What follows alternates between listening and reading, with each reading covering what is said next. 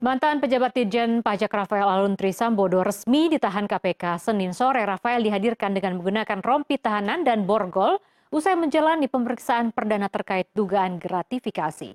Rafael ditetapkan sebagai tersangka dugaan gratifikasi perpajakan untuk periode 2011 hingga 2023.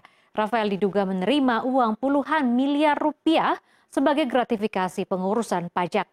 Dalam konferensi pers, KPK menunjukkan barang bukti berupa tas mewah hingga uang 32,2 miliar rupiah.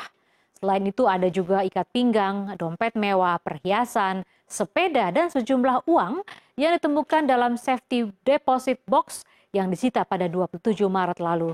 Rafael Alun juga diketahui memiliki usaha jasa konsultan dalam bidang perpajakan, yaitu PT AME. Dan umumkan tersangkanya sebagai berikut. Saudara RAT, pegawai negeri sipil pada Direktorat Jenderal Pajak Kementerian Keuangan Republik Indonesia dan selaku penyidik pegawai negeri sipil sejak tahun 2005.